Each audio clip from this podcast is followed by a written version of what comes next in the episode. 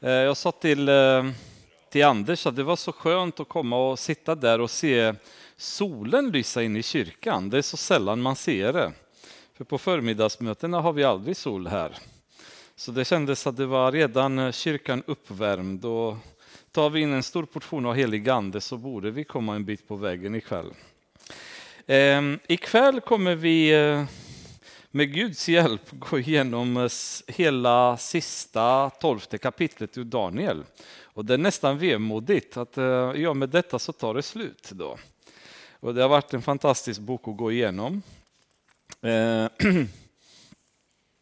pratade med Patrik kring hur man skulle gå vidare då. Och eh, min eh, önskan och mitt mål det är ju att, som jag sa i början, att vi återtar söndagen som Guds dag. Då.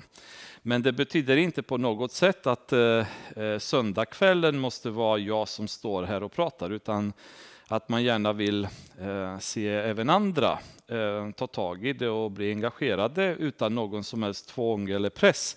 Men om någon annan skulle vilja så vore det jättebra, tror jag. Eh, men ingen annan var frivillig i det här läget så att eh, då kände jag bara, nej men då går vi på vidare. Så efter Daniel så eh, kommer vi gå igenom hela Efesiebrevet, är det tänkt. Vers för vers genom hela boken som vi har gjort med Daniel. Men Daniel har varit en uppvärmning av vad som komma skall för er då. Och i framtiden så måste ni bli betydligt mer aktiva än att ni bara sitter och glad, glatt lyssnar på mig. Och ni kommer få en väldigt liten uppgift idag.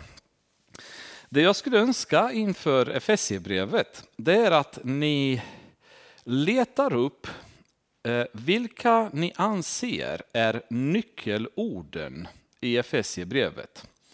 Varje bibelbok har en eller flera nyckelord, det vill säga ord som upprepas gång på gång på gång i boken som oftast ger oss en hint av vilken, vilket tema boken handlar om eller vad vill författaren förmedla med boken.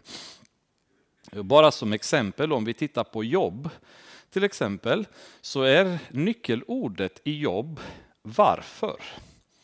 Det är det ordet som upprepas gång på gång på gång. Och läser man jobbboken då förstår man varför varför är nyckelordet. Man får en, eh, en uppfattning mer av djupet och den förtvivlan som Jobb hela tiden känner och hela tiden så står han och frågar varför. Varför måste jag gå igenom det här? Varför händer det här mig? Varför, varför? Um, och på samma sätt så finns det några nyckelord som dyker upp gång på gång i Efesiebrevet som jag tror att om ni lyckas att hitta innan vi drar igång med Efesierbrevet, då kommer ni redan komma en bit på vägen i att förstå vad Paulus egentligen kommer vilja förmedla via det brevet till församlingen i Efesos. Så ta gärna det som en utmaning och det blir ingen förhör eller något sånt där, men om ni kommer på några nyckelord tills nästa vecka så blir jag väldigt glad om ni delar dem med mig. Så eh, kan ni gärna säga att ja, men jag tycker att det här är nyckelordet eller jag tycker att det här. Eh, det kan vara ju lite kul. Ehm, för de som orkar och vill så blir det lite mer interaktivt. Det är modernt nu att vi ska göra grupparbeten även i skolor och så vidare. Läraren ska inte bara stå framme i klassrummet utan eleverna ska vara med. Eh, jag gillar inte grupparbete för övrigt, men i det här fallet så kan det bli väldigt trevligt. Herre, vi tackar dig för den här eh, sista kvällen med Daniel, Herre. Tack för den resa som vi har gjort. Tack för att du har varit med oss, Herre. Jag vill be även för ikväll att din heliga Ande ska tala, att du ska lägga en ande av frid och ro och kärlek och förstånd i våra hjärtan, Herre. Att vi kan ta till oss ditt ord, att det kan gå rakt in i hjärtat och börja verka och gräva djupt där Herre tills resultat kommer fram. Jag tackar dig Herre för eh, den resa som du har varit med oss och tagit oss igenom. Ber att även det här sista kapitlet ska vara till välsignelse för alla som sitter här. ska lyfta upp de som behöver lyftas, ska mata de som behöver matas, Herre, ska ge styrka till de som behöver det, ska ge förstånd och eh, uppfattning av saker för de som söker svar, Herre. I Jesu namn ber vi. Amen. Då kan vi börja läsa. Ehm, jag tror vi stannar först vid de första tre verserna. På den tiden skall Mikael träda upp, den store fursten som står som försvarare för dina landsmän.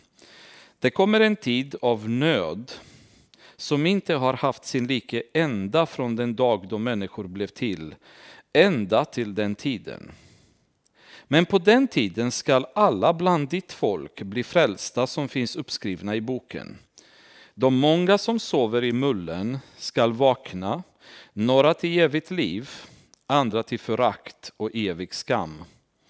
De förståndiga ska då lysa som himlavalvets ljus och de som har fört många till rättfärdighet som stjärnor, alltid och för evigt. På den, tid, på den tiden börjar kapitel 12 med, och det blir en väldigt konstig inledning på kapitlet om vi nu inte har glömt bort att kapitel 12, 11 och 10 egentligen hör till samma händelse. Eh, och då blir det ju att vi förstår att det här blir en fortsättning av sista delen av kapitel 11 där om ni kommer ihåg antikristen kommer med sina arméer i Israel.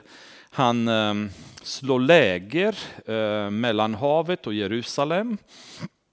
Och eh, han är fortfarande så att säga bunden i ett avtal med judarna. Ett avtal som, som man skriver med dem i början på de sju åren, sista sju åren från Daniels 70 veckors profetia. Han skriver ett avtal med Israel, ett förbund som Bibeln kallar det. Han befinner sig fortfarande i det här läget. Israel attackeras av Egypten och förmodligen andra allierade från söder. Attackeras av Syrien och förmodligen allierade från norr. Från norr. Antikristen rycker in, förmodligen för att vara med och försvara det förbund då som man har skrivit. Samtidigt så kommer arméer från öster i eh, enormt antal som oroar honom väldigt mycket. Eh, och på den tiden då skall Mikael träda upp. Och vi vet att när Mikael dyker upp, då har vi problem. Det har vi sett några gånger tidigare. Men det här är vad man skulle kunna kalla, det här är den, om man ska prata med militärt språk, det eh, Mikael går in i kod röd. Alltså när försvaret får kodrött, då betyder krigstillstånd. Det är inte bara ett larm, det betyder inte oroligheter, utan det betyder skarpt krigsläge då. Och det är precis det som händer här. Eh, därför att nu hamnar man i den halva av, de sju veck eller av den sista veckan, det vill säga sista tre och ett halvt åren. Och det är här, vid det här ögonblicket, då antikristen kommer bryta den för, det förbund han har med Israel, när han kommer in i det allra heligaste. Eh, ni kommer ihåg vad Jesus sa när ni kommer se förödelse eller styggelse som profeten Daniel pratade om. Då ska ni som är på hustaket bara sticka, ni ska inte hämta kläder, ni ska inte hämta någonting. Ni som är eh, i Samarien eh, eh ska ni fly, ni som är i Judeen ska ni fly. Ehm, ta inget, stanna ingenstans. Ehm, och han kommer in i allra heligaste, proklamerar sig själv som Gud och kräver att alla ska tillbe honom. Och det är nu judarnas ögon öppnas. Det är nu de förstår vad som har hänt. Det är nu de förstår eh, att de har helt enkelt missat Messias. Att Messias har varit Jesus och de har inte trott på honom. Så att deras ögon kommer öppnas. Men han kommer inleda en fruktansvärd förföljelse nu mot judarna. Där eh, vi ser att eh, uppemot två tredjedelar av det judiska folket kommer mördas eh, under den här kampanjen. Det är därför det beskrivs i det fallet att det kommer en tid av nöd som inte haft sin like ända från den dag då människor blev till. Och nu får ni tänka er på att vi har sett några ganska häftiga grejer hända med judarna genom historien. Vi har ju läst några själva om Antiochus Epifanes och de andra kungarna som har härjat. Ehm, och i nutid, så att säga, vi minns Hitler, vad heter det, mm, ehm, vad heter Holocaust på svenska? Ja, förintelsen, precis. Vi minns programmen i Ryssland till exempel när Stalin mördade judar på rullande band, så det här har ju pågått hela tiden. Ändå så säger Bibeln här, och Jesus beskriver det också med sina ord, att det kommer en tid då världen har inte ens sett något liknande förut. Eh, så att det är ju precis den perioden som vi kommer in i nu och därför så går Mikael in i skarpt läge. För att nu är det problem. Eh, som beskyddare av judarna då så är Mikael nu den som som rycker in för att med all kraft kunna bekämpa djävulen under den här perioden. Därför att Uppenbarelseboken säger att kan vi kan läsa det så får vi rätt sammanhang. Det är nästan bättre tror jag. Eh, jag tror att det är Uppenbarelseboken 12 kapitlet. Ja. 12 kapitel, vers 7. För det är exakt en, en bredare beskrivning av vad egentligen Daniel skriver här. En strid uppstod i himlen. Mikael och hans änglar gav sig i strid med draken. Och draken, om ni kommer ihåg, har vi tidigare sett att det var Satan beskrivet i Uppenbarelseboken. Så det är djävulen vi pratar om. Och draken och hans änglar stred, men han var inte stark nog. Och det fanns inte längre någon plats för dem i himlen. Och den store draken, den gamle ormen som kallas djävul och Satan, han som bedrar hela världen kastades ner på jorden och hans änglar kastades ner med honom. Och jag hörde en stark röst i himlen säga, nu har frälsningen och makten och riket blivit vår Guds och väldet hans moders. Till våra bröders åklagare har blivit nedkastad, han som dag och natt anklagade dem inför vår Gud. De övervann honom genom Lammets blod och genom sitt vittnesbördsord. De älskade inte sitt liv så högt att de drog sig undan döden. Jubla därför ni himlar och ni som bor i dem, men ve dig, du jord och du hav, till djävulen har kommit ner till er i stor vrede eftersom han vet att hans tid är kort. När draken såg att han hade blivit nedkastad på jorden förföljde han kvinnan som hade fött barnet. Nu har vi inte gått igenom uppenbarelseboken, men skulle vi ha gjort det så ser man att kvinnan som födde barnet är ju en avbild av Israel från vilken Jesus hade kommit. Då. Så när vi läser om kvinnan i det fallet så är det Israel. Men den stora örnens båda vingar gavs åt kvinnan så att hon kunde flyga ut till sin plats i öknen där hon fått sitt uppehälle en tid, tider och en halvtid borta från ormen. Då sprutade ormen vatten ur sin mun som en flod efter kvinnan för att hon skulle föras bort med floden. Men jorden hjälpte kvinnan. Den öppnade sin mun och svalde floden som draken sprutade ur sin mun. I sitt raseri mot kvinnan gick draken bort för att strida mot de övriga av hennes barn, det vill säga övriga judarna. Mot dem som lyder Guds bud och håller fast vid Jesu vittnesbörd och draken stod på sanden vid havet. Så det är ju den här händelsen egentligen som avspeglas i vår vers 1 här, men det är inte eh, så att säga stort beskrivet, utan det enda vi får reda på här är det att Mikael drar igång. Eh, men i Uppenbarelseboken då förstår vi varför att Mikael tillsammans med hans änglar eh, blev blir mobiliserade.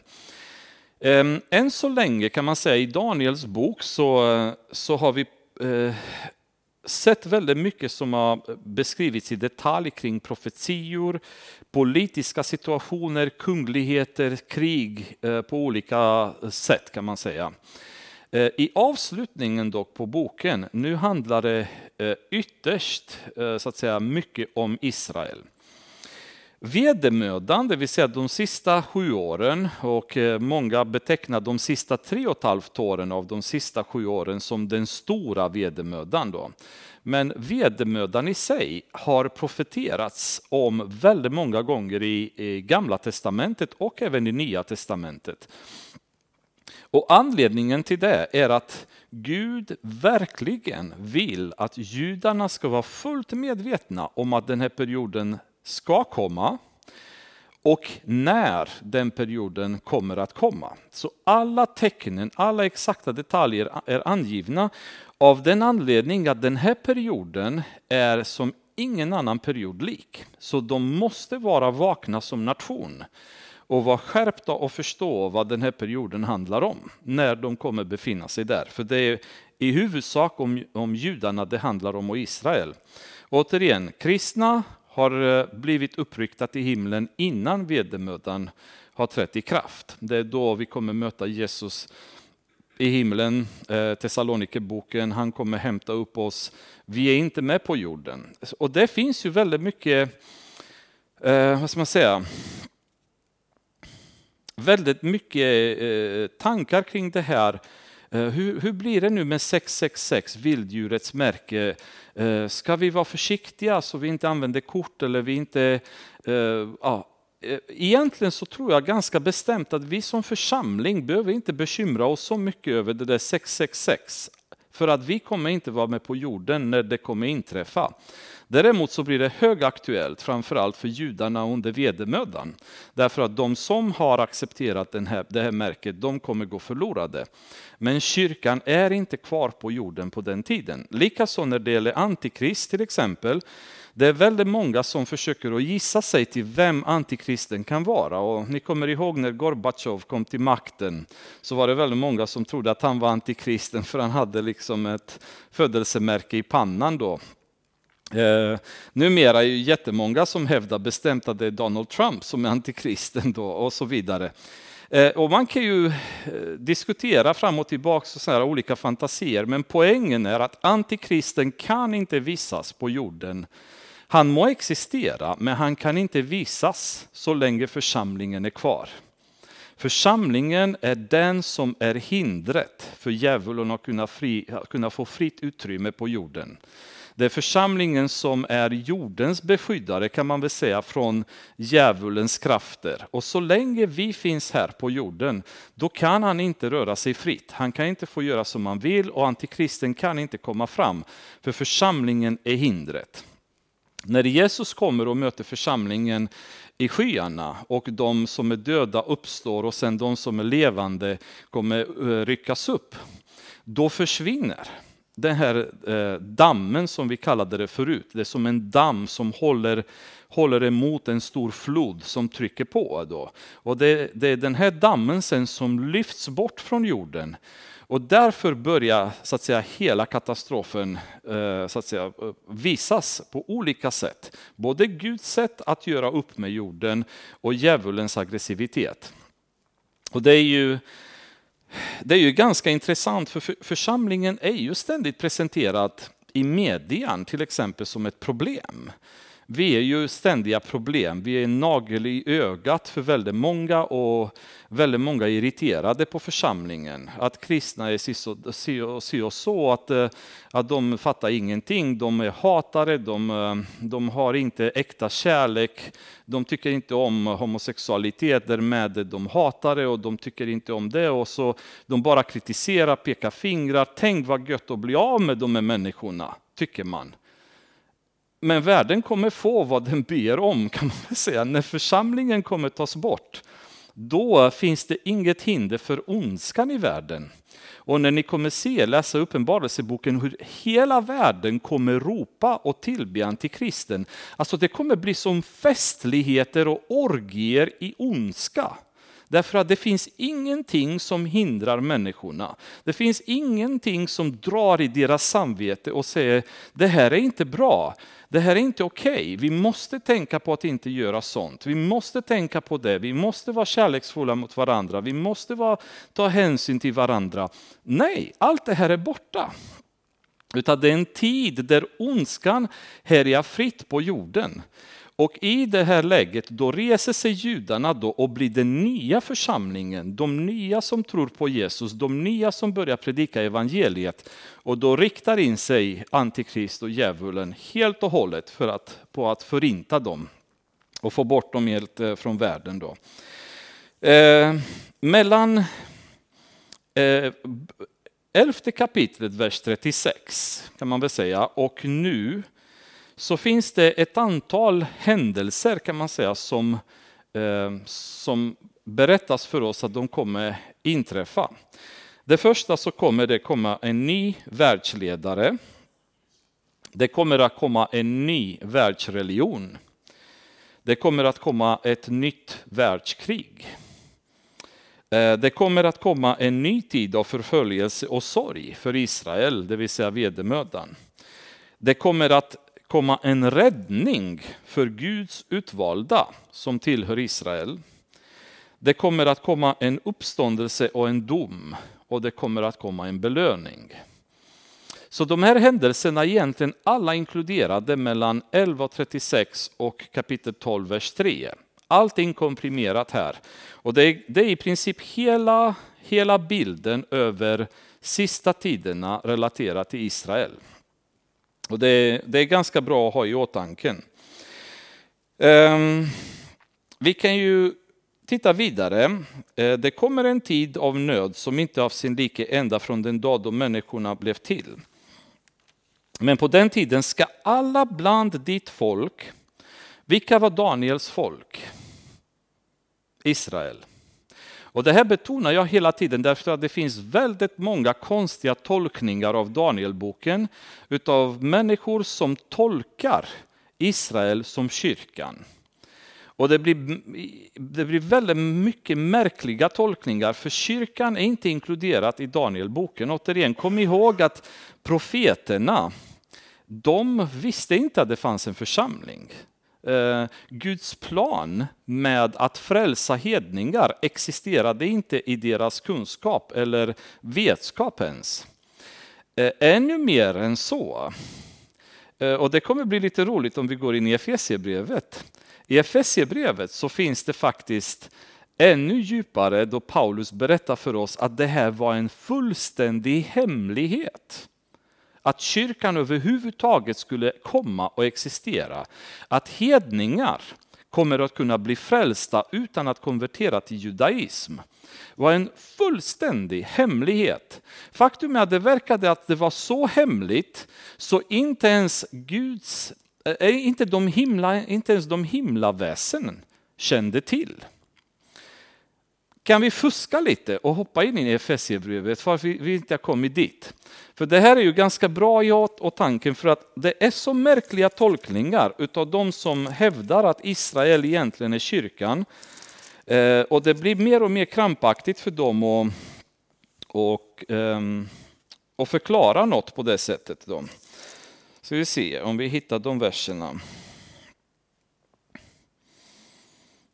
Eh, vi kan ta Efesierbrevet, första kapitlet, vers 9 och vidare.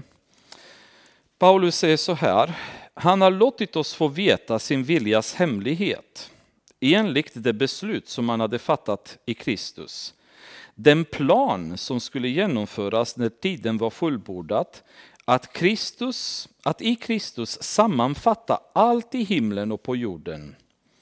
I honom har vi också fått vårt arv, förutbestämda till det av honom som utför allt efter sin vilja och sitt beslut, att vi som har vårt hopp i Kristus ska prisa hans härlighet och ära.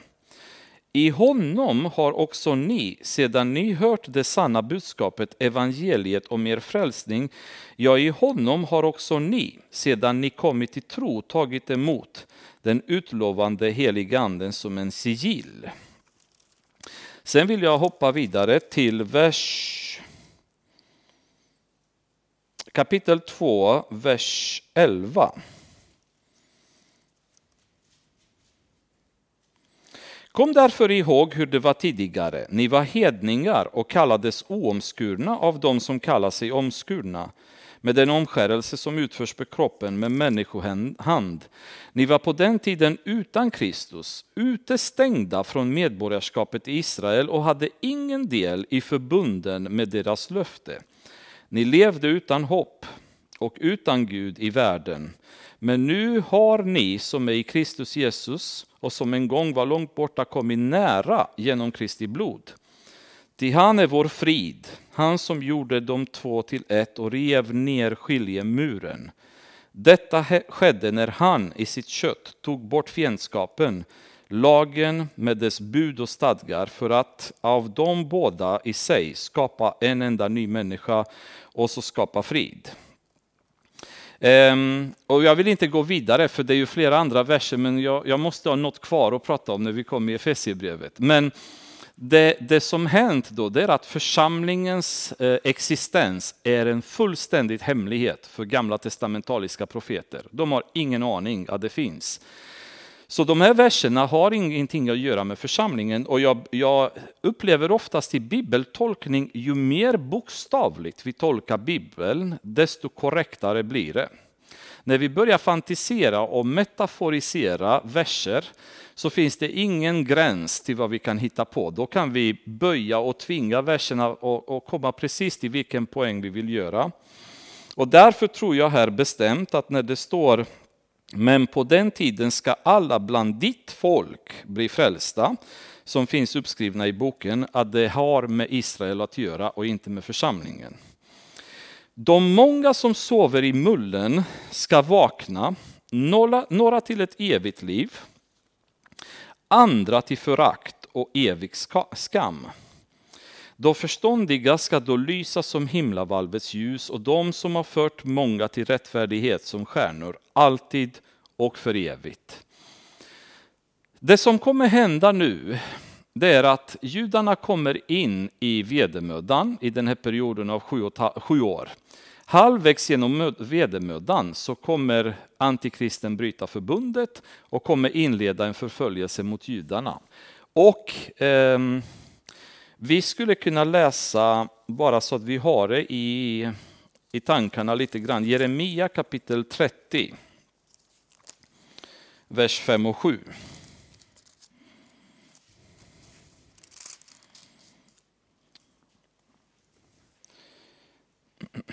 Det står bland annat en kort beskrivning. Ve, detta är en stor dag, ingen är den lik. En tid av nöd är detta för Jakob, men han skall bli räddad ur den. Och sen kommer vi till Sakaria, eh, en liten bit bort från, Israel, eh, från Daniel där. Ehm, och eh, trettonde kapitlet.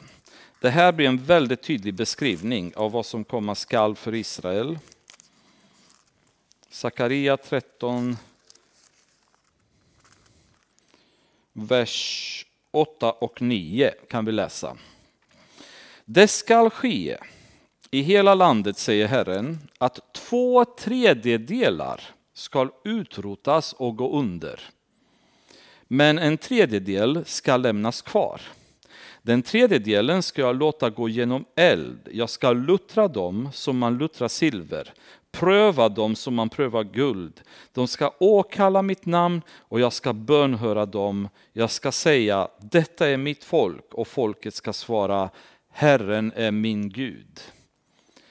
Två tredjedelar av Israel kommer förintas då under vedermödan. Idag så, eh, eh, så anser man att judar i hela världen, om man bedömer vem som är jude utifrån ursprunget via mamman, om mamman är judinna, då är barnet jude. Så man anser att alla judar, de som bor i Israel och spridda runt, runt om i världen, är någonstans runt 18 miljoner judar då. 18,5 efter väldigt grova räkningar förstås. Om man nu säger att det är det här antalet vi pratar om ungefär, det betyder att cirka 12 miljoner judar kommer dödas under vedermödans andra halva. Hitler har lyckats med cirka 6 miljoner, andra har lyckats med mindre antal och så vidare. Det här är som inget annat likt. Den här perioden blir en mardröm. Och tänk på att detta sker i en värld och en tid när det är nästan omöjligt att gömma sig. Eh, jag vet inte om ni någon gång har tittat på tv, det finns ett program i USA där några människor ska helt enkelt lyckas att vara på rymmen i en vecka utan att bli upptäckta. De har ingenting på sig och de bara flyr och myndigheterna jagar dem över hela landet. Än så länge har jag inte sett ett enda program där någon har lyckats att hålla sig gömd i en vecka. De lyckas spåra dem precis via väggkameror, när de går genom en tågstation, när de promenerar på en gata för att köpa lite bröd. Via kreditkort, eh, så att säga, ehm, eh, spårningen. Om de ringer en kompis i telefonen, om de ringer vilket telefon som helst genom röstrekognosering etc. Om de vill hyra en bil, om de står vid en väg och gör, eh, så att säga, försöker stoppa en bil, har de lyckats att på det sättet se dem. Via satellitövervakning då, när de eh, gissar ungefär var de är så övervakade de gatorna och så ser de hur de rör sig. Så detta kommer i en tid då Världen kommer disponera över en teknologi som är väldigt avancerad som gör att du kan inte gömma dig på samma sätt som kanske de gömde sig förr i tiden och lyckades komma undan nazisterna. Och den som har läst de böckerna så ser man hur svårt det var även då att hålla sig gömd som jude. Och tänk på att detta kommer ske i en tid då hela världen kommer hata dem och vara emot dem. Ingen kommer vilja ha en jude att beskydda eller gömma i sitt hus, utan tvärtom. De kommer vara eh, folkets fiende. Alla kommer engagera sig i att eh, ange dem, i att jaga dem, i att döda dem, i att eh, förinta dem på olika sätt. Så deras situation kommer vara extremt svår. Och därför säger Gud att det är dags för Mikael att han kommer in. För att eh, Jesus säger om det inte hade varit för utvalda så hade ingen kunnat överleva. Så illa kommer det vara. Om inte Gud ingriper på ett mirakulöst sätt så skulle ingen kunna överleva. Alla skulle bli förintade utav djävulen. Ehm, så det som hände här, det är dock under vedermödan, två tredjedelar kommer dö. När vedermödan närmar sig sitt slut, då är det den tiden då Jesus har sin andra återkomst, när han kommer eh, på Oljeberget. Eh, alla arméerna är samlade i Armageddondalen för att träffa honom, för att kunna bekämpa honom. Jesus kommer och med andetaget så kommer han förinta alla dessa arméer och inleder det tusenåriga riket. Men Innan han inleder det tusenåriga riket så inträffar en dom. Och under den domen, eh, där kommer judarna som har levt i gamla testamentet och som har tjänat Gud, som det står här, de som har fört många till rättfärdighet som stjärnor, de kommer lysa alltid för evigt. De kommer uppstå, inklusive de som har mördats under vedermödan kommer uppstå. Och de kommer bli dömda av Jesus, eller inte nödvändigtvis dömda, utan eh, accepterade att komma in i tusenåriga riket med Jesus. Det är den uppståndelsen som det pratas om här. Och det är väldigt viktigt, för här kommer vi ett område som är också väldigt lurigt. För vi pratar oftast om uppståndelsen, och vad tänker vi när vi snackar uppståndelse? Det är ju Thessalonikerbrevet. Jesus kommer och möter oss i skyarna. De som har dött uppstår, vi som är kvar, vi rycks med. Det är det vi tänker på när vi pratar uppståndelse. När man tittar i Bibeln så finns det flera uppståndelser som det pratas om. Det första är ju Jesu uppståndelse. Eh, om vi, om vi tar lite snabbt och går till första Korintierbrevet. Och vi vet ju redan att Jesus har uppstått, så vi kan egentligen, vi behöver inte läsa, men det är lite sammanfattat där. 15 kapitlet, vers 22-23. Första Korintier 15, 22-23. Liksom Adam alla dör, så ska också i Kristus alla göras levande, men var och en i sin ordning. Det finns en ordning i uppståndelsen. Kristus som förstligen och sedan vid hans ankomst de som tillhör honom. Så först är det Kristus som, som skulle uppstå. Efter det så kommer uppståndelsen då kyrkan kommer ryckas upp innan vedermödan. Eh, efter det så inträffar ytterligare en uppståndelse och det är slutet på vedermödan. Eh, vi kan läsa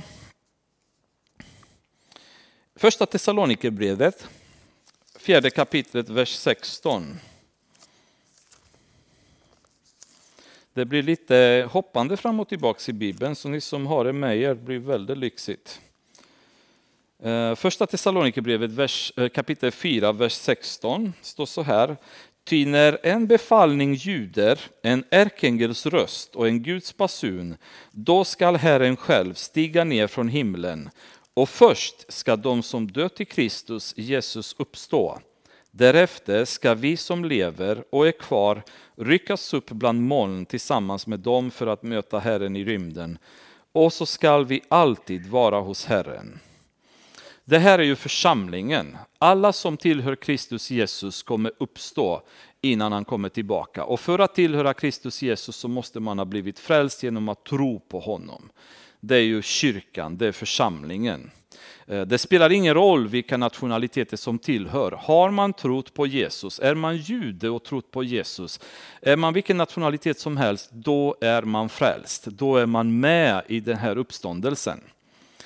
Men som, som jag sa förut sen, så har vi den uppståndelse som inträffar i slutet av vedermödan och den uppståndelsen har att göra med Israel och judarna. Det är de som har varit i gamla testamentet som har dött och de som har dött under förföljelsen i vedermödan. Vi kan utöver Daniel eh, 12, vi kan läsa också Uppenbarelseboken kapitel 20. Frågan är om eh, vi kanske hade behövt gå in i Uppenbarelseboken efter Daniel för att kunna få ännu bättre sammanhang. Då hade det blivit kanske lite för snurrigt för många av oss då. Um, för det är jättespännande. Någon, någon, gång borde vi gå in dit också. Eh, uh, 20 kapitel, vers 3 och så läser vi till vers 5. Sedan kastade ängel honom i avgrunden, stängde till den och förseglade den över honom. Nu är det djävulen som blev kastad i avgrunden för att han inte längre skulle bedra folken förrän de tusen åren har nått sitt slut. Därefter ska han släppas lös för en, en kort tid. Och jag såg troner och de som satt på dem fick rätt att döma och jag såg deras själar som hade halshuggits därför att de hade vittnat om Jesus och förkunnat Guds ord och inte hade tillbett vilddjuret så de vi pratar om här är de som befann sig under vilddjurets tid, det vill säga vedermödan. Inte församlingen, utan de som befann sig under vedermödan. Och inte hade tillbett vilddjuret och dess bild och inte tagit emot dess märke på pannan eller handen. De levde och regerade med Kristus i tusen år. Men de andra döda levde inte förrän de tusen åren har gått. Detta är den första uppståndelsen. Och här blir det lite förvirrande. För nu har vi pratat om tre uppståndelser. Först Jesus. Sen om vi ska vara riktigt krassa, ni kommer ihåg att när Jesus dog på korset, vad hände då? Det var ett antal gravar som öppnade sig och människor uppstod, eller hur? Så vi hade till och med då en uppståndelse. Sen kommer församlingen upp till himlen, uppståndelse igen. Eh, och så har vi den här uppståndelsen då judarna och de som har varit i vedermödan uppstår. Ändå så beskriver Uppenbarelseboken det, detta är första uppståndelsen.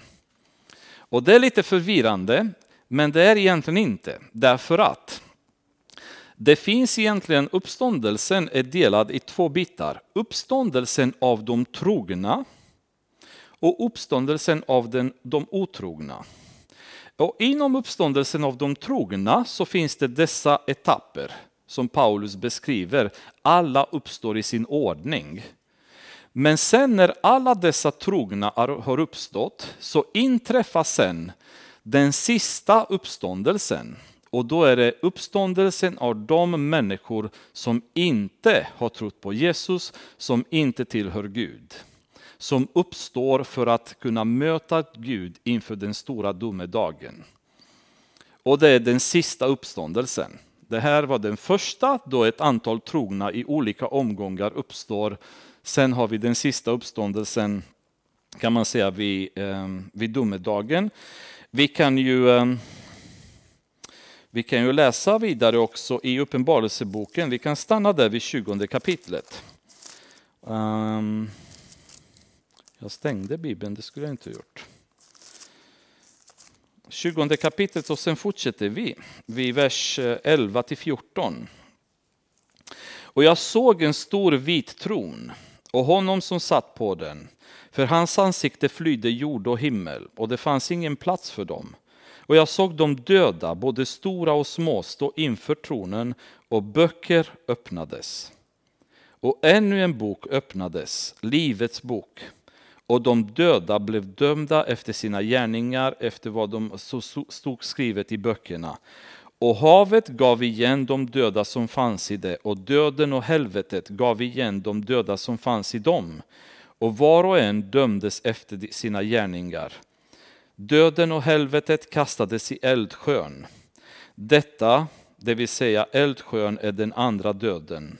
Om någon inte fanns skriven i Livets bok kastades han i eldsjön. Det är slutgiltiga domedagen då de onda kommer kastas in i eldsjön. Alla andra vars namn är skriven i Livets bok kommer stå där bara och höra eh, vad de kommer få för belöningar, förmodligen vad de kommer avnjuta så att säga, tillsammans med Gud i evighet.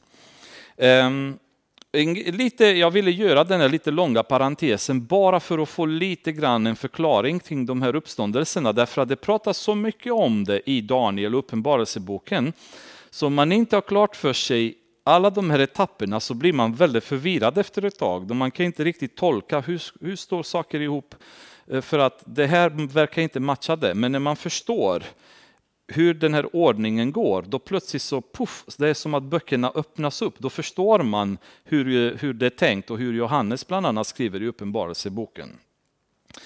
Ehm, så här har vi, de som sover i mullen ska vakna, några till evigt liv det vill säga nu innan tusenåriga riket. De andra, de kommer vakna sen till förakt och evig skam, det vill säga Uppenbarelseboken 20 kapitlet, vers 11 till 14.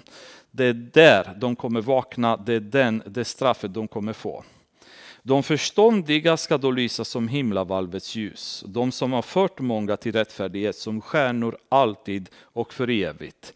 Det man ser här att det som ses som en positiv egenskap, det är att man har fört människor till rättfärdighet. Och det är gång på gång som det dyker upp även i Nya Testamentet att det är egentligen det, det Gud kommer värdera väldigt mycket. Har vi använt våra talanger? Eh, har vi fått den här pengen? Vad har vi gjort med den? Har vi investerat det eller har vi grävt det? Har vi varit där ute och pratat med människor om Jesus och predikat evangeliet så som man har befallit oss att göra? Eller har vi inte gjort det? Har vi bara varit en person som har kommit och suttit i kyrkan år efter år efter år och varit osynlig för människorna utanför? Ingen har vetat ens att vi är kristna. Ja, då är det frågan, har vi är vi en del av de här som ska lysa som, som stjärnor, som har fört människor till rättfärdighet? Och i grunden så måste vi veta att vare sig vi är evangelister, lärare, har gåvan att be, gåvan att hela, gåvan att Ehm, uppmuntra, eh, gåvan att eh, tala i tunger, gåvan att tolka tunger, vad vi än nu har för gåva eller talang, så måste vi alltid predika evangeliet. Det är liksom huvuduppgiften för oss kristna, predika evangeliet. Predika evangeliet. Vissa predikar som riktiga Billy Graham, för de har ju evangelistiska gåvan. Andra kanske inte är lika duktiga på att formulera, men de kan ändå prata om Jesus. De kan ändå ta med sig en granne till tron. De kan ändå gå och hjälpa någon och på så vis förmedla Guds kärlek till dem och ta dem till tron. Men i vilken form vi gör det kan det variera från person till person. Men att göra det, det måste vi. Vi måste vara drivna av att evangelisera, av att prata om Jesus. Och sitter vi och det här säger jag inte med att ge dåligt samvete till någon. För det finns, jag hatar när predikanter sitter i predikostolen och piskar på församlingsmedlemmarna. Gå ut och prata om Jesus. Liksom. Nej, så här tycker inte jag funkar. Utan man ska liksom mata församlingen, människorna ska, ska vara liksom andligt starka och andefyllda och gå och prata om Jesus. Eh, Jesus har sagt till lärjungarna att vänta tills heliganden kommer. Vad hände när heliganden kom? Då blev det explosion i hela Jerusalem. Folk blev frälsta på rullande band som aldrig förr.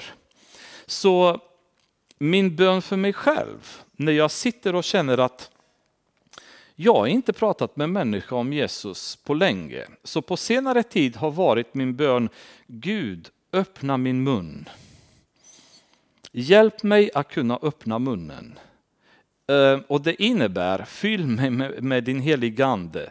Fyll mig med iver. Fyll mig med kärlek för de personerna som jag ska prata med. Så att jag kan känna det här drivet att min mun måste öppnas och evangeliet måste ut. För ibland, visst är det väldigt, väldigt trögt. Det är inte självklart att vi lätt känner att skaka till en granne och säga nu ska jag tala om för dig om Jesus. Det, vi vet ju att det inte funkar alltid så. Och stöpen är rätt så hårdnat samhälle. Det är inte jättelätt i de här medelålders svenska familjerna som alla är relativt välbärgade och har ett gött liv och kunna gå och tala om för dem att de behöver Jesus. Nej, det är ju faktiskt ganska svårt. Men det som händer är att när heliganden kommer över oss då börjar det ösa evangeliet ut ur oss och orden har kraft.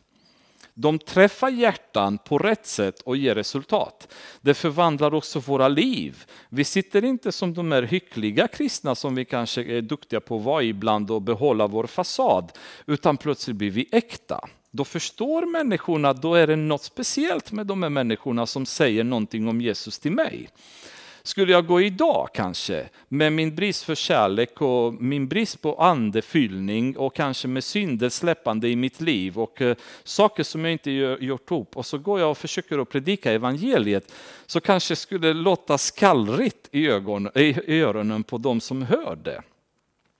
Men när vi som församling blir fylld av heligande, då blir det naturligt.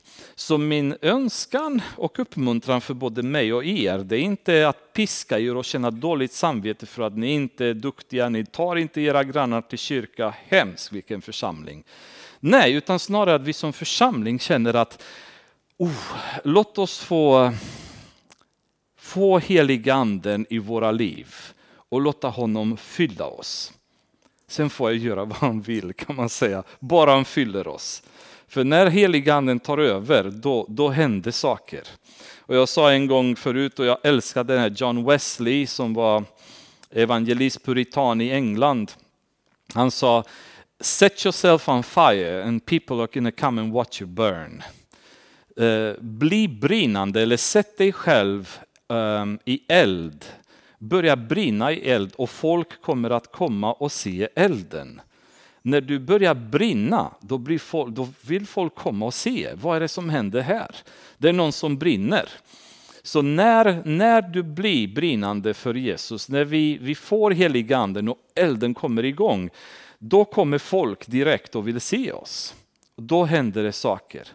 Um, och det är kanske så att vi behöver den här elden. Det är kanske så att vi har liksom, det har slocknat i en del av våra liv och vi har blivit liksom traditionella. Vi har våra aktiviteter, vi har vår verksamhet och, det, och vi menar väl med det. Men vi behöver kanske fortfarande gnistan från heliganden, glädjen att leendet kommer tillbaks på läpparna och, och den här fyllningen när man lägger sig på morgonen och går och lägger sig på kvällen som Lydia sa i morse, att man bara känner att oh, liksom man är fylld av helig ande. Um, och det är då så att säga, vi börjar bli i, i, igen i funktion och börjar liksom predika evangeliet, för vi kan inte, vi kan inte undvika att göra det, för att då, då trycker heliganden inifrån ut. Då. Om någon av er har haft en sån tid i livet, ni kommer ihåg hur det var. Man kan inte vara tyst, liksom. man bara babblar om Jesus hela tiden för att man är så fylld.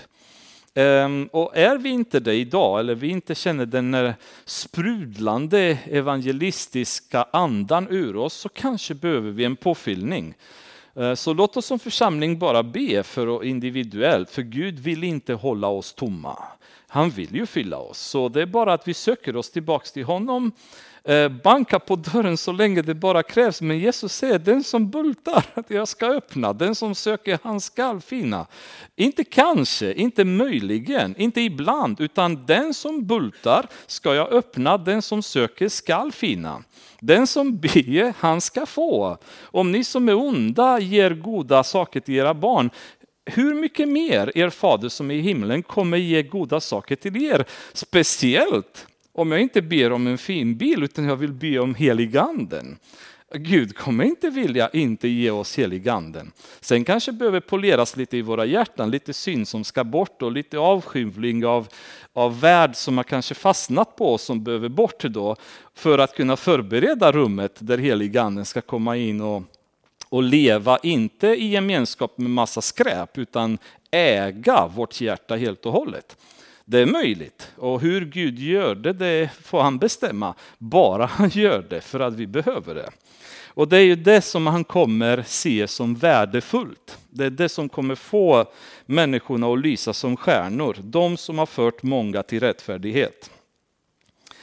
Men du Daniel, göm dessa ord och försegla denna skrift till ändens tid.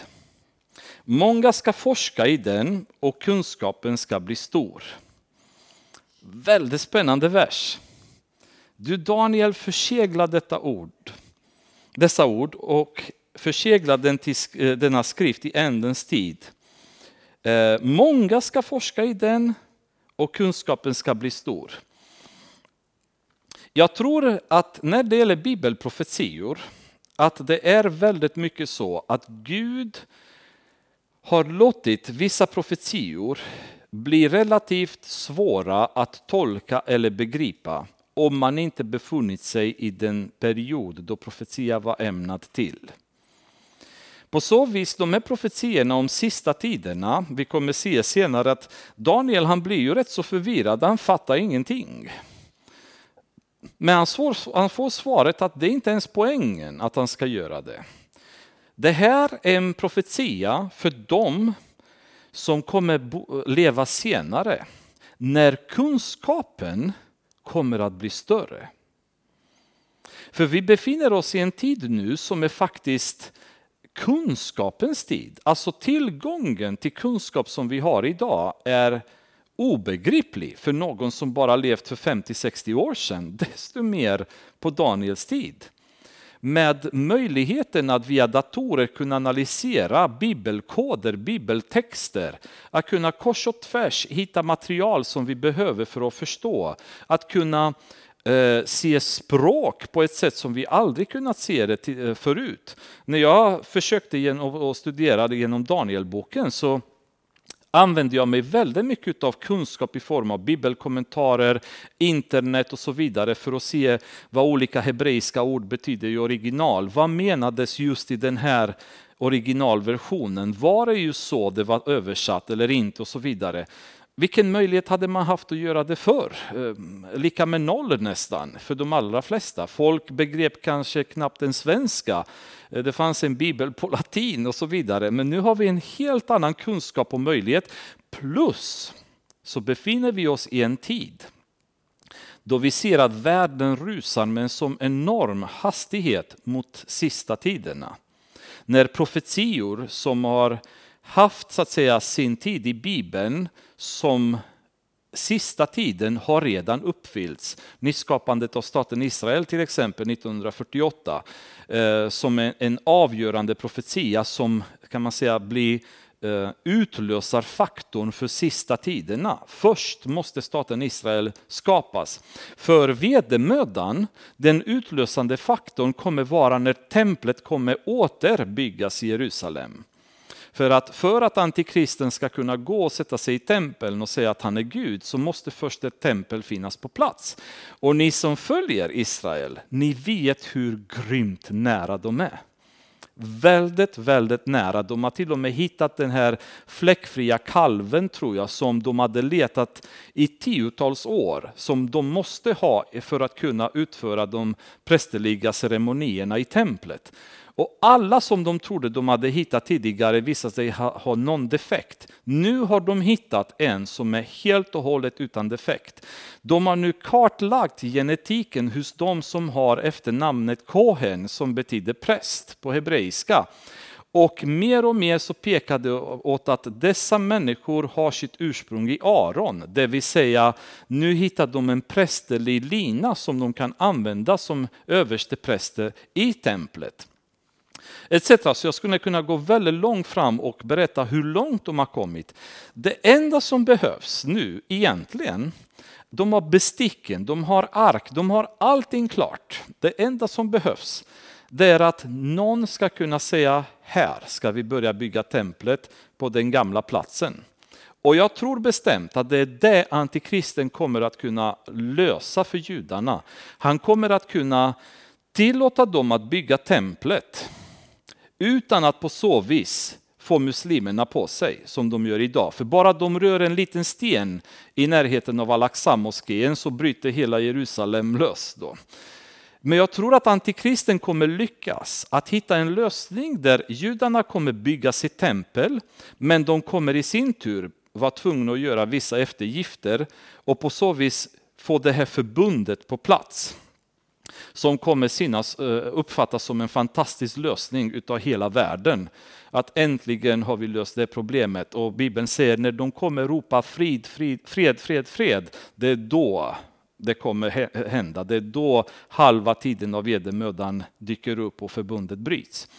Så jag tror att det här templet är på, på gång att byggas. Så vi som lever i de här tiderna plötsligt får en helt annan uppfattning och insikt i Danielboken som folk som levde förr i tiden hade betydligt svårare att göra. Därför tror jag att ängeln sa till Daniel, kunskapen kommer att bli större. Det här kommer folk kunna förstå när tiden är inne. När jag Daniel såg upp Se, då stod, de två andra, stod det två andra där, en på flodens ena strand och en på den andra stranden. En av dem sade till mannen som var klädd i linnekläder och som stod ovanför flodens vatten. Hur länge dröjer det innan änden kommer med dessa märkliga ting? Jag lyssnade till mannen som var klädd i linnekläder och som stod ovanför flodens vatten. Så han stod ovanför vattnet, han, han helt enkelt svävade ovanför vattnet. Vissa att det var verkligen en andlig, en andlig kraft då. Eh, och jag tror fortfarande bestämt att det är Jesus som var mannen i linnekläder. Och han lyfte sin högra hand, och det här blir väldigt intressant. Han lyfte sin högra hand och sin vänstra hand mot himlen och svor vid honom som lever för evigt, att efter en tid och tider och en halv tid och när det heliga folkets makt är krossad, då ska allt detta vara fullbordat. Det här är ju extremt häftigt, därför att eh, när man svor i Gamla Testamentet så lyfter man alltid bara en hand. Men i det här fallet så står Jesus där och lyfter båda händerna och svär vid Gud att det kommer att bli en tid, tider och en halvtid. Alltså, vad Jesus vill här är markera tydligt för judarna att det här är hundraprocentigt tusenprocentigt om man vill säga, garanterat att det kommer inträffa exakt så och exakt under en sån tidsperiod. Eh, förut som när vi läser i Gamla Testamentet så pratades om Jakobs sorgperiod, det pratas om eh, i Sakaria som vi läste etc. Men nu, efter vi har läst profetian om de 70 veckorna i nionde kapitlet som var urklar, nu står Jesus och med båda händerna mot himlen för att markera att det här är på riktigt och på allra högsta allvar och svär vid Gud, vilket de fick aldrig göra. Så säger han det tar tid, två eh, tider och en halv tid, vilket vi har tolkat tidigare var tre och ett halvt år. Eh, vi ser senare i Uppenbarelseboken exakt samma benämning och sen benämns som 42 månader eller 1260 dagar. Så det är ju tydligt beskrivet. Det här är ingen ändring på. Jag svär vid Gud att det kommer ta tre och ett halvt år för det här att inträffa. Och det kommer inträffa när det heliga folkets makt är krossad. Då ska allt detta vara fullbordat. Och en del som, upp, som eh, tolkade det här som så kallade pre-vedermödan profetier, det blir lite problem att tolka att det heliga folkets makt är krossad, därför att Israel är fortfarande en icke-krossad makt. Eh, I allra högsta grad är de en ganska stark militärmakt kan man väl säga, som eh, ingen har lyckats krossa än så länge som det ser ut. Men när de kommer få hela antikristens värld emot sig, då kommer de bli krossade. Och det är bara Guds mirakulösa ingripande som gör att en tredjedel av dem kommer klara sig. Annars hade alla kunnat gå under. Jag hörde detta, men förstod inte. Så jag frågade min herre, vad blir slutet på allt detta? Då sade han, Gå Daniel, för dessa ord ska förbli gömda och förseglade till ändens tid. De sista tiderna så kommer de här orden, folk kommer inte begripa dem. Om, ni läs, om jag läser bibelkommentarer för bara 30-40 år sedan, det är ju många märkligheter i de böckerna när man läser dem idag. Därför att folk hade inte möjlighet att uppfatta eller kunna rätt tolka de här verserna. Och jag tror att det kommer bli eh, när, när, när någon kommer kanske tolka de här verserna om tio år, kommer lyssna på vad jag sagt och säga oj vad lite han kunde, han, han fattar ingenting. Därför att jag tror bestämt att ju närmare de här händelserna vi kommer, desto tydligare kommer folk förstå. Och de som lever i dem kommer förstå dem helt och, och begripa exakt vad de handlar om. Många ska bli renade och tvagna och luttrade. Intressant, exakt samma ord som används i Sakaria 13. Jag kommer luttra dem, säger Gud där. Och exakt samma ord används här. Många ska bli renade och tvagna och luttrade. Men de ogudaktiga skall bedriva sin ogudaktighet. Och ingen ogudaktig ska förstå detta men de förståndiga skall förstå det. Så när tiderna är inne, i sista tiderna, de ogudaktiga, de kommer inte fatta någonting. De kommer härja fritt precis som vanligt. Men de eh, gudaktiga, de kommer förstå exakt vad det handlar om. Från den tid då det dagliga offret blir avskaffat och förödelsens tygelse uppställd ska det gå 1290 dagar. Salig är den som håller ut och hinner fram till 1335 dagar. Då kommer vi till siffrorna nu igen. Eh, sista delen av vedermödan, tre och ett halvt år, det är 1260 dagar.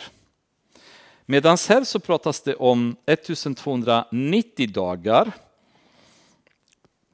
Och sen salig är den som som eh, hinner fram till 1335 dagar. Vad betyder de här siffrorna? Och till er besvikelse så måste jag säga, jag har ingen aning. Och jag har letat och jag har grävt, men jag har ingen aning faktiskt. Därför att eh, när vedermödan är slut, då är det 1260 dagar som har passerat. Det jag däremot tror att det handlar om, och jag tror inte att jag, det är långsökt att påstå detta, att det mellan 1260 och 1335, det är ju antalet dagar, så när Jesus kommer på Oljeberget, då tar vedermödan slut, så att säga. Då för inte, till inte görs eh, antikristens arméer. Men det finns fortfarande en befolkning på jorden att ta hand om. Och jag tror att under den här perioden mellan 1260 och 1335, det är perioden då Jesus kommer göra upp med de andra människorna på jorden och eh, ha den här domedagen då geter kommer eh, skiljas från får inför in, ingången in i tusenåriga riket. Ehm, och det är bara en gissning, för att hur mycket jag har letat i Bibeln så finns det inget klart skrivet om vad som kommer hända. Men tittar man kronologiskt då, det som inträffar efter vedermödan, det är att Jesus kommer tillbaka, sen inträffar det tusenåriga riket. En del kommer, säger att det kan ha att göra med Lammets bröllop. Det vill säga kyrkan som kommer nu tillbaka med Jesus på jorden och har bröllopet här. Men har vi inte haft bröllopet i himlen? Kan man undra. Eh, och det kan ju vara så att vi har haft det. Men om man tittar efter eh, judarnas tradition inför ett bröllop så först fick bruden vara i brudgummens hus under ett år. Sen fick brudgummen vara i brudens hus under ett år. Sen var det bröllopet. Eh, och många anser att det kan vara det som händer, att först är bruden kyrkan i himlen i Jesu hus. Sen kommer Jesus tillbaka på jorden med bruden i vårt hus och sen blir det bröllop. Jag vet inte, jag tycker det känns som en lite långsträckt förklaring, men återigen, jag har inte hittat något, så vi kan bara spekulera och vi behöver inte heller ha ett exakt svar, därför att vad säger ängeln? Den här boken kommer vara förseglad till tidens slut. Det finns vissa grejer som vi faktiskt ödmjukt måste säga, vi kan inte säga något om nu. Men de som lever då, de kommer förstå vad de här verserna betyder. Så jag lämnar dem därhen, för jag har ingen förklaring för det. Eh, och eh, om ni vill så kan ni gärna fortsätta att gräva själva och leta svar eller be till Gud att, att han ger er svar eller bara nöja er med att eh, vi kommer ändå vara med under detta period, eh, kommer tillbaka med Jesus och då ser vi då vad som händer. Jag ser fram emot den biten i alla fall själv. Och nu kommer vi till, jag skulle våga påstå en av de mina absolut favoritverser i hela Bibeln. Som om, om jag skulle läsa för er skulle det inte betyda någonting. Ut ur sammanhang. Men nu när vi har gått igenom hela Danielboken tillsammans så tror jag att ni kommer förstå varför vers 13 är så extremt kraftig. Men gå du bort till dess änden kommer. Sedan du har vilat ska du uppstå till din del vid dagarnas ände. Vem pratar ängeln med? Han pratar nu med en som är nästan 90 år. Som under ett helt liv sedan ungdomstiden har stått lojal vid Gud.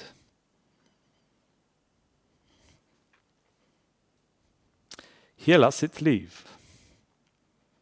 Har kämpat, har lidit, har gått igenom krig, elände, kungar efter kungar som har bytts Riken som har kommit, riken som har gått.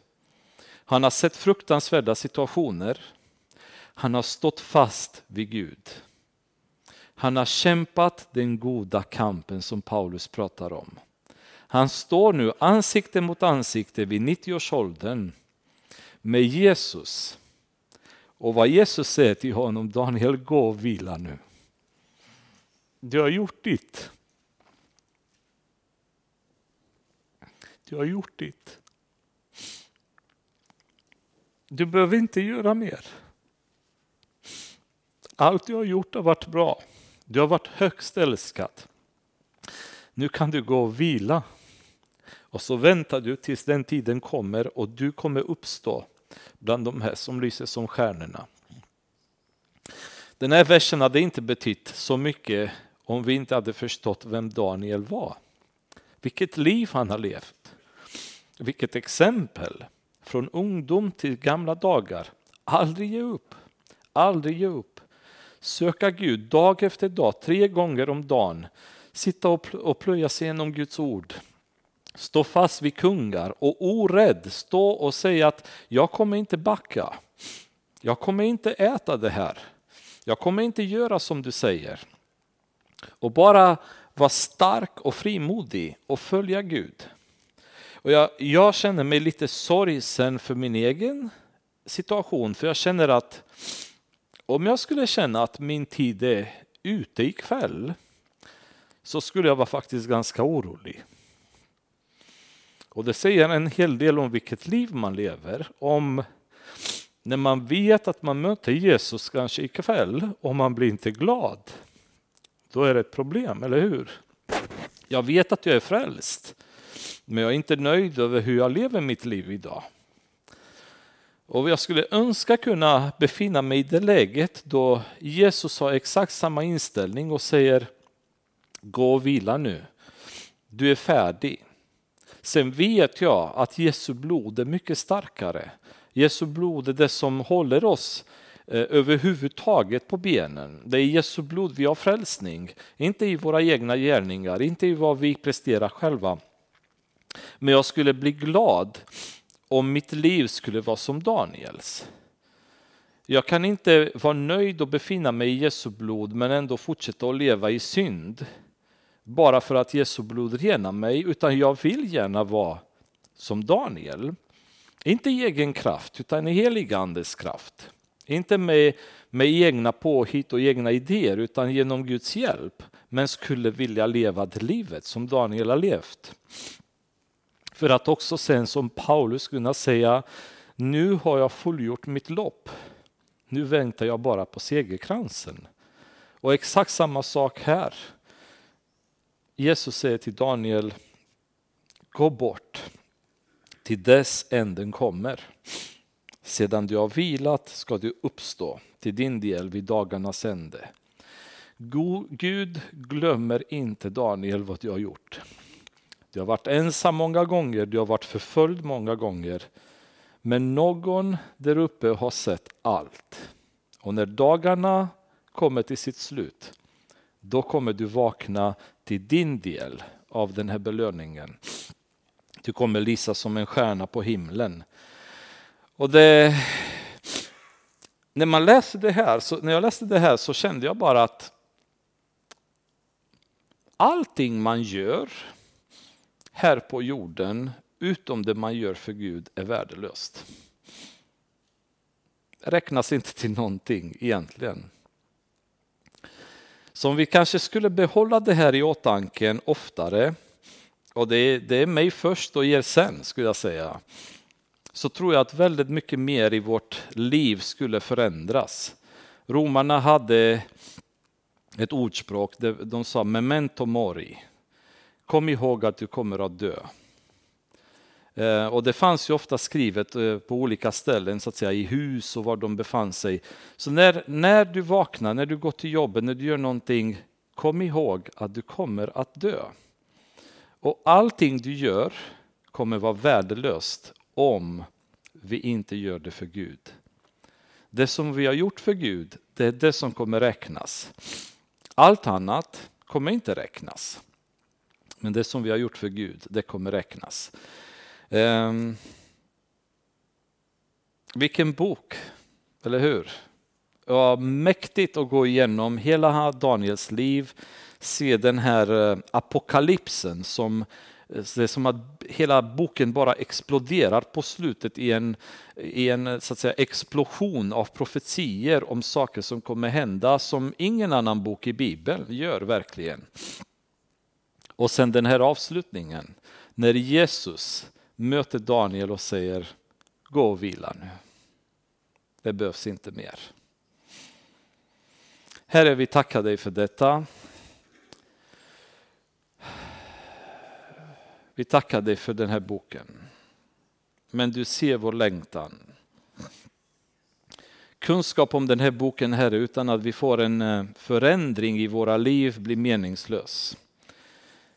Eh, det blir bara kall akademisk kunskap. Så min bön och önskan här är eh, för mig och alla andra som hör att det här ska vara livsförändrande. Och det är så svårt att förändra någonting utan din hjälp, Herre Jesus. Och ikväll så skulle jag vilja bara be dig, Herre, att du tar total kontroll över våra liv, Herre. Ta sopkvasten och börja sopa allting som är orent i våra liv. Ehm, och du gör det ibland på sätt som kanske gör ont och känns jobbiga, men det viktigaste här är att du gör rent i våra liv. Sättet att gå tillväga, Herre, får du välja själv, Jesus. För var och en av oss. För vi vet att hur du än gör det så gör du det för, till vår bästa. Inte för att plåga oss, inte för att vi ska ha det jobbigt, utan för att du vill hjälpa oss att komma fram, Herre. Jag vill be, Herre, att vi som församling ska kunna få din heliga anden på nytt. Att vi känner den här, känner den här smörjelsen som kommer från, från dig Jesus. När våra ögon öppnas och våra öron öppnas Herre och vårt hjärta börjar bulta för dig igen. Och, och vi vill inte umgås med världens saker utan vi längtar fram, vi längtar till dig Jesus, vi längtar efter dig. När, din, när tiden du ska ta oss hem Herre, när när döden eller uppryckningen kommer, Herre, det ska inte vara en skrämmande tid för oss, utan det ska vara en sån tid som det är för Daniel, som har varit för Mose, som har varit för Paulus, Herre. För de här människorna som har tjänat dig genom hela deras liv, Herre, låt oss få vara en av dem. Och känna att vi kan stå ansikte mot ansikte med, med sorg, med död och bara glädja oss över att vi kommer hem till dig Jesus till den vi har längtat efter hela vårt liv, till den vi har pratat med utan att se.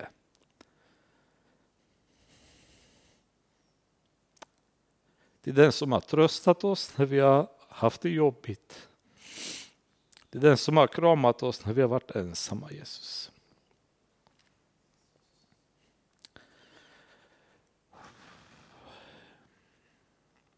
Vi tackar dig Herre för din välsignelse för din kärlek, för att du aldrig ger upp. Amen.